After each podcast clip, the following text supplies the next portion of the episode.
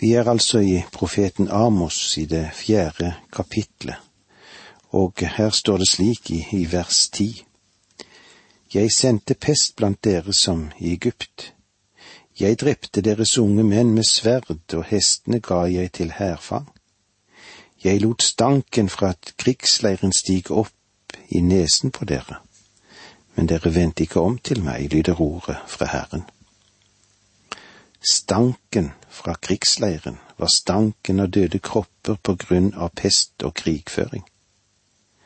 Men på tross av disse sterke varsler så vendte de ikke om til Herren. I vers elleve leser vi slik. Jeg sendte dere ødeleggelser som da Gud la Sodoma og Gomorra i grus. Dere var som en brann, revet ut av vilden, men dere vendte ikke om til meg, lyder ordet fra Herren. Noen fortolkere mener at dette er oppsummeringen av de plagene som tidligere nevnt. Det tviler jeg litt på. For vi vet fra Jonas sin bok at det ved denne tiden så gjorde asyrene reider inn i Nordriket. Asyrene drev med lynangrep både her og der, og nå og da tok de en hel landsbybefolkning til fange. Gud tillot asyrene på samme vis som en fugl å hakke her og hakke der i riket. Dette burde jo ha vært en advarsel til folk om at hele riket ville falle en dag. Men de tok ikke imot denne advarselen som Gud sendte dem. Men de fortsatte sine egne onde veier. Men dere vendte ikke om til meg, lyder ordet fra Herren. I vers tolv leser vi slik. Derfor, Israel, vil jeg gjøre slik med deg, og fordi jeg vil handle slik, så gjør deg klar, Israel, til å møte din Gud. Gud sier ikke hva han vil gjøre her. Han bare konstaterer at slik vil jeg gjøre med dere. Det kommer til å bli en overraskelse. Vi vet nå at det ikke var asyrene som til slutt kom overraskende på dem og førte dem i fangenskap. Med andre ord trodde Israels folk at det ganske enkelt ikke trodde på Gud, og de vendte seg ikke til ham.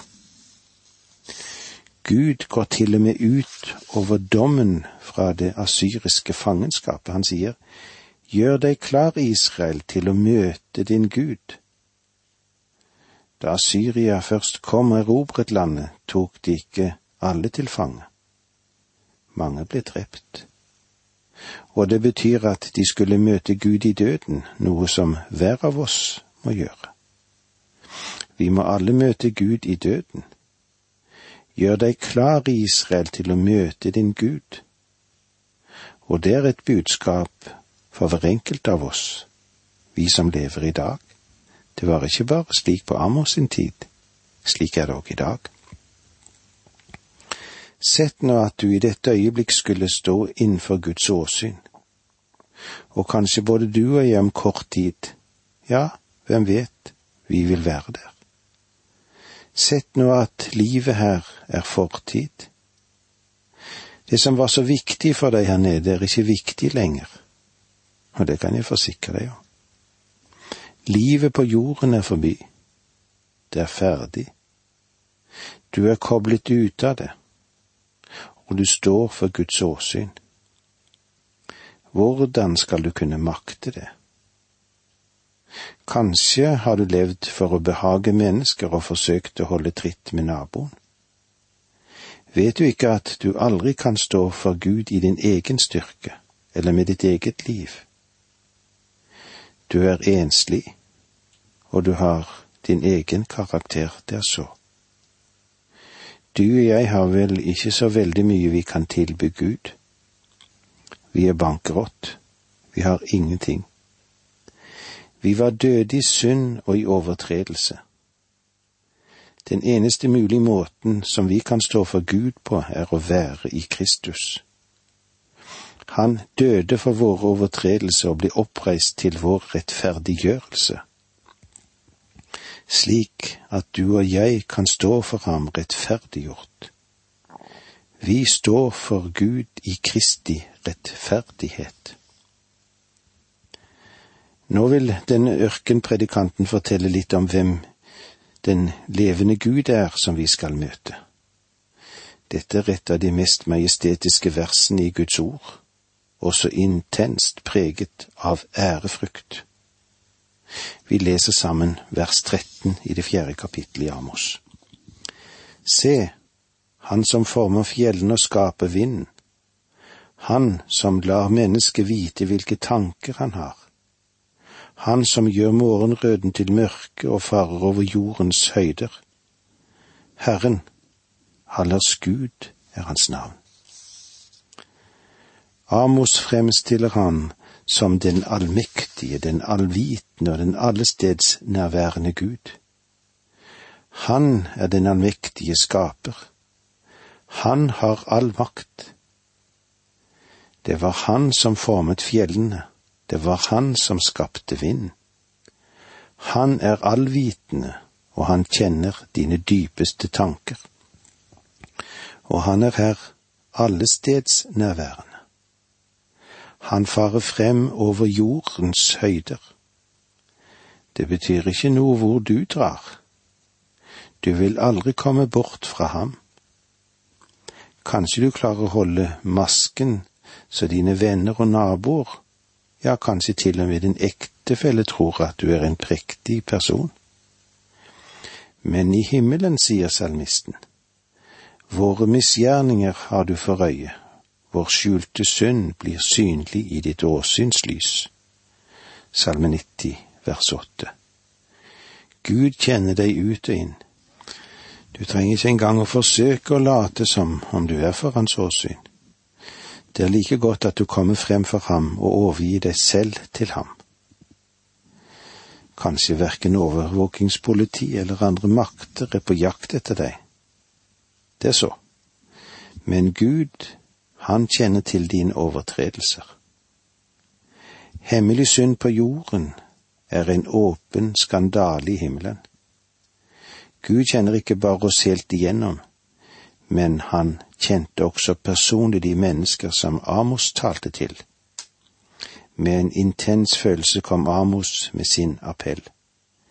Bered deg, Israel, til å møte din Gud. Og det var det vi hadde med oss ifra kapittel fire. Vi går nå inn i kapittel fem, og her vil vi se at Israel vil i fremtiden bli tuktet for sin ondskap. Det foregående kapitlet ble avsluttet med et smell, med en avsluttende akkord, kan vi vel si. Det virket som Gud hadde lukket døren, at dommen, den var uavvendelig, og at det ikke var noe håp for Israel i det hele tatt. Selv om kapittel fem strekker seg inn i fremtiden, så tigger Gud i de første versene i Israel om å søke ham, så dommen kan stanses. Så lenge som han ikke ga anledning til det avsluttende skritt i dommen, deres fangenskap, så fantes der ennå et håp for dem vers 1, kapittel 5. Hør dette ordet Israel sett, en klagesang som jeg synger om deg. Han åpner her altså med en klagesang. Han synger en begravelsessang, dette går i moll og i dystre tonearter. Nå taler han om dem med ømhet. Vers to. Hun er falt og reiser seg aldri mer jomfruen i Israel. Hun ligger bortslengt på sin jord, og ingen reiser henne opp. Og med disse ordene sier vi takk for nå, må Gud være med deg. Dette undervisningsprogrammet består av to deler. Åge Nevland fortsetter nå med andre del av dagens undervisning.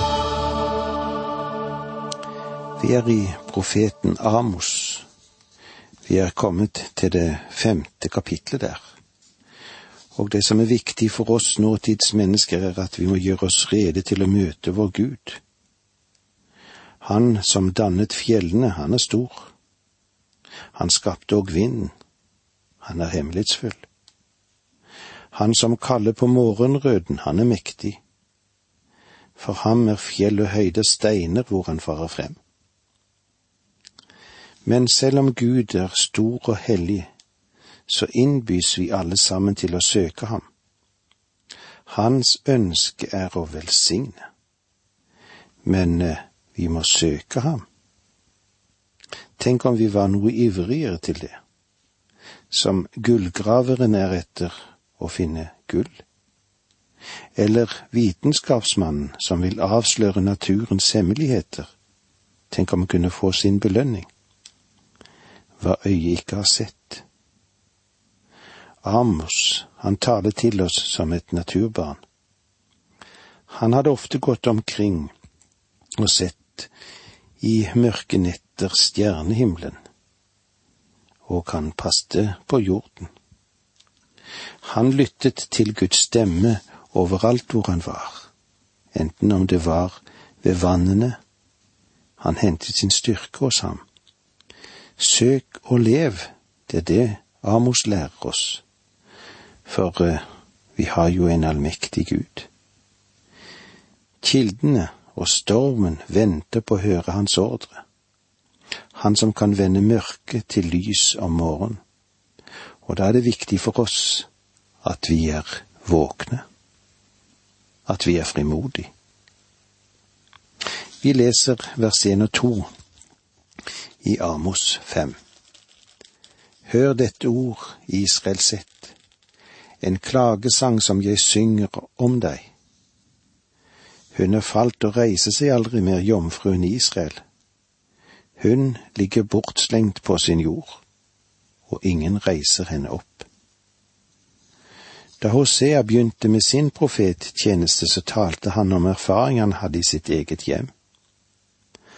Han hadde giftet seg med en skjøge, og Gud sendte ham for å tale til Nordriket og si, dere er som en skjøge, men Gud elsker dere fremdeles.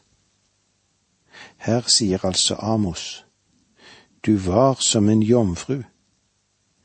Gud ville vie seg selv til deg. Dette er bildet av enhver troende i dag. Paulus skrev til og med om dette i Korinterne, i andre Korinterbrev 11,2. Jeg har forlovet dere med Kristus.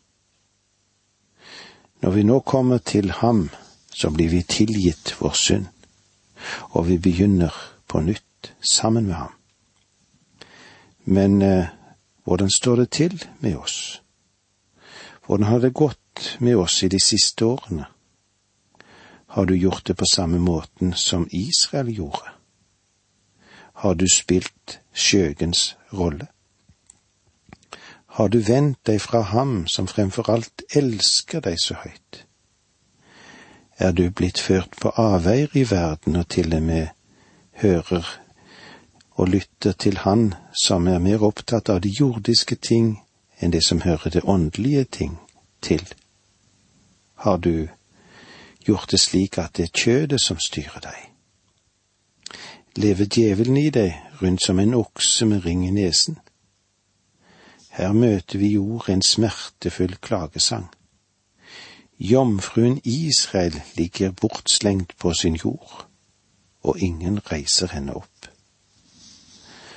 Vers tre For så sier Herren Gud, den byen som sender ut tusen mann får bare hundre igjen, og den som sender ut hundre mann får ti tilbake i Israel sitt. Den byen som sender ut tusen mann, får bare hundre igjen. Amos sier altså, bered dere til å møte Gud. Tenk på hvor mange som ville miste livet gjennom deres halvsterrighet. Den som sender ut hundre mann, får ti tilbake. Dette er dem som blir tilbake i landet, men også mange av den gruppen ville måtte bøte med livet. Og nå skal du lytte litt til det Amos sier oss. Dette er, om du så vil si, det siste kallet til dette folket. Vers fire. Så sier Herren til Israel sitt, søk meg, så skal dere leve. Innbydelsen, den er fremdeles åpen. Ordet er gått ut. Gud kaller på dem ennå en gang for å få dem til å venne seg til ham. Selv nå vil han la dem få lov til å leve. Vers fem, kapittel fem i Amos. Søk ikke til Betel, kom ikke til Gilgal og dra ikke over til Beersheba, for folk i Gilgal skal føres bort. Betel skal bli uhyggelig øde. Søk ikke til Betel. I Betel var en av gullkalvene satt opp. Får jeg også si at Betel finner du ikke i dag. To forskjellige steder er blitt pekt ut som Betel, så ingen er helt sikre. Det området som Betel lå i, kjenner vi godt til, men nøyaktig hvor byen var belagt, er mer usikkert. Kom ikke til Gilgal. Gilgal er stedet der Israel slo leir da de krysset Jordanelven første gang, da de kom inn i landet under Josvas ledelse. Der satte de opp tabernaklet, og der organiserte de den videre marsjen mot Jeriko. Det ble et hellig sted, dette. Faktisk hadde Gud sagt til dem at de skulle si til sine barn at det var på dette sted han hadde utryddet dem. I stedet hadde folket vendt seg til avgudene, og disse steder som hadde vært hellige for Gud, ja, de blir nå avgudssentre. Og dra ikke over til Beersheba. Beersheba lå langt nede i Judariket i syd, i Negev. Og det er ennå et kjent sted. Det var i Beersheba at Abraham og Abimelek gjorde en pakt. Og da kalte Abraham på Herrens navn. Uttrykket fra Dan til Beersheba blir brukt i Skriften for å angi hele Israels land fra nord til syd. På Amos sin tid var det mange mennesker i Nordriket som dro på pilegrimsreise til Beersheba for å tilbe avgudene. For folk i Gilgal skal føres bort. Betel skal bli uhyggelig øde. Hvorfor nevner Ramos Bersheba nettopp her? Fordi Bersheba ikke er i Nordriket, men i syd. Først hundre år senere blir folk i Bersheba ført i fangenskap sammen med de øvrige Juda. Men disse to stedene i Nordriket, både Betel og Gilgal, er nå på grensen til fangenskap. Tenk hvor nøyaktig Amos er i sin uttalelse.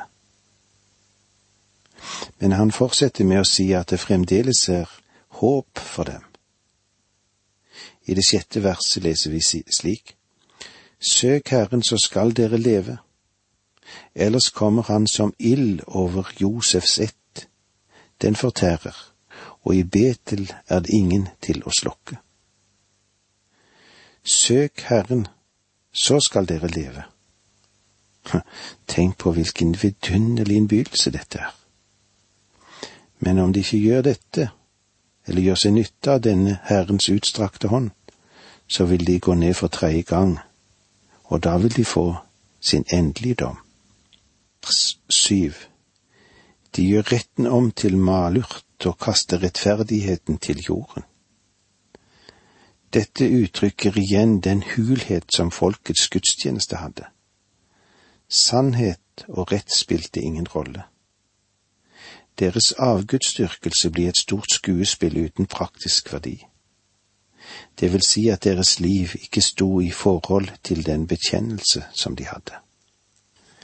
Det ligger en stor fare i de mennesker som går til kirke og synger dorsologien eller lovprisningen Pris Gud fra hvem all nåde kommer. Men så er det spørsmål utenfor kirkerommet, hvordan lever de da?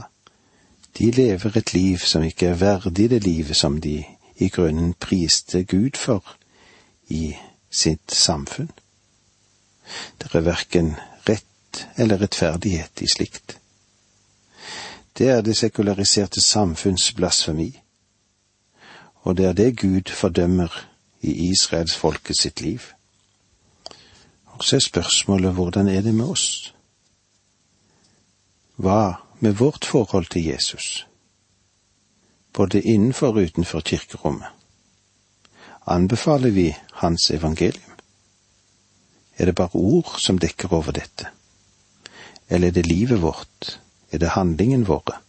Er det den måten vi virker på blant våre medmennesker og de vi omgås til daglig?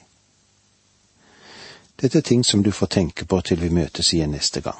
Takk for nå, må Gud være med deg.